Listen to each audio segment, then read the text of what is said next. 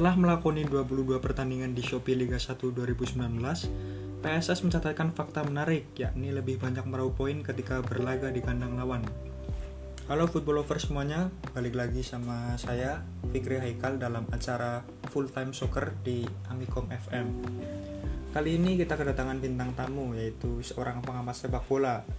Bung Guntur, gimana kabarnya Bung Guntur? Alhamdulillah Bung Fikri, baik terima kasih Bung Fikri. Nah, Bung Guntur, kali ini kita mau ngebahas hasil dari pertandingan PSS nih.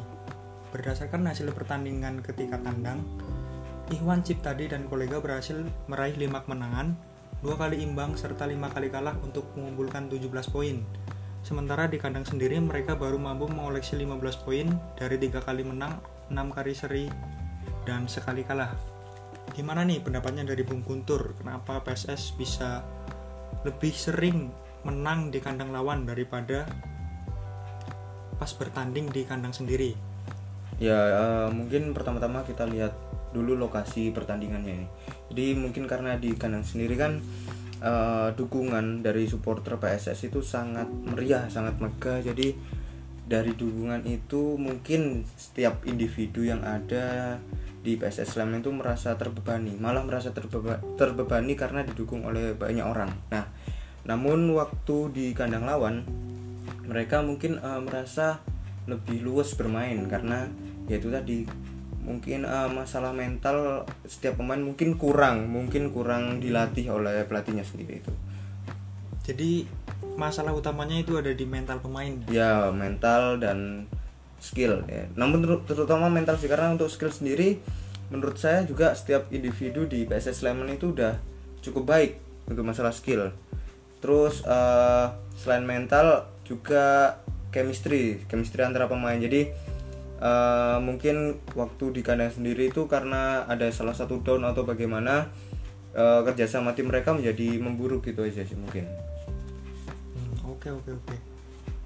Nah kali ini saya mau ngebahas soal catatan unik yang didapatkan PSS ketika tandang adalah mampu meraih kemenangan tanpa kebobolan ke gawang Ega Rizky 5 kemenangan di pertandingan tandang yaitu menang 0-2 dari Kalteng Putra, 0-1 atas Madura United, 0-2 atas Perseru Badak Lampung, 0-1 atas Semen Padang, dan yang terakhir menang 0-2 atas Bayangkara FC.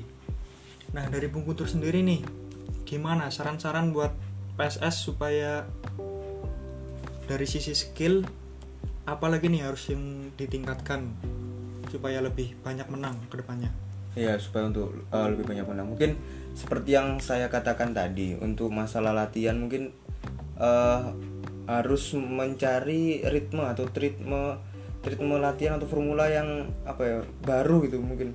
Karena saya lihat itu untuk masalah skill memang mereka udah bagus namun di mental itu tadi. Jadi uh, pelatih mungkin sebaiknya lebih apa ya melakukan shock terapi gitu pada para pemain pada anak-anaknya itu seperti itu intinya dari para pemain mentalnya harus diperbaiki dan ya, mental kedekatan pelatih itu sendiri ya? Ya pelatih dan sesama pemain juga itu hmm. penting. Oke nih makasih buat Bung Guntur buat hari ini. Ya baik terima kasih sama-sama.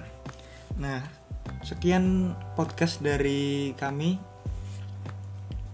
Bila ada kekurangan mohon maaf. Sekian terima kasih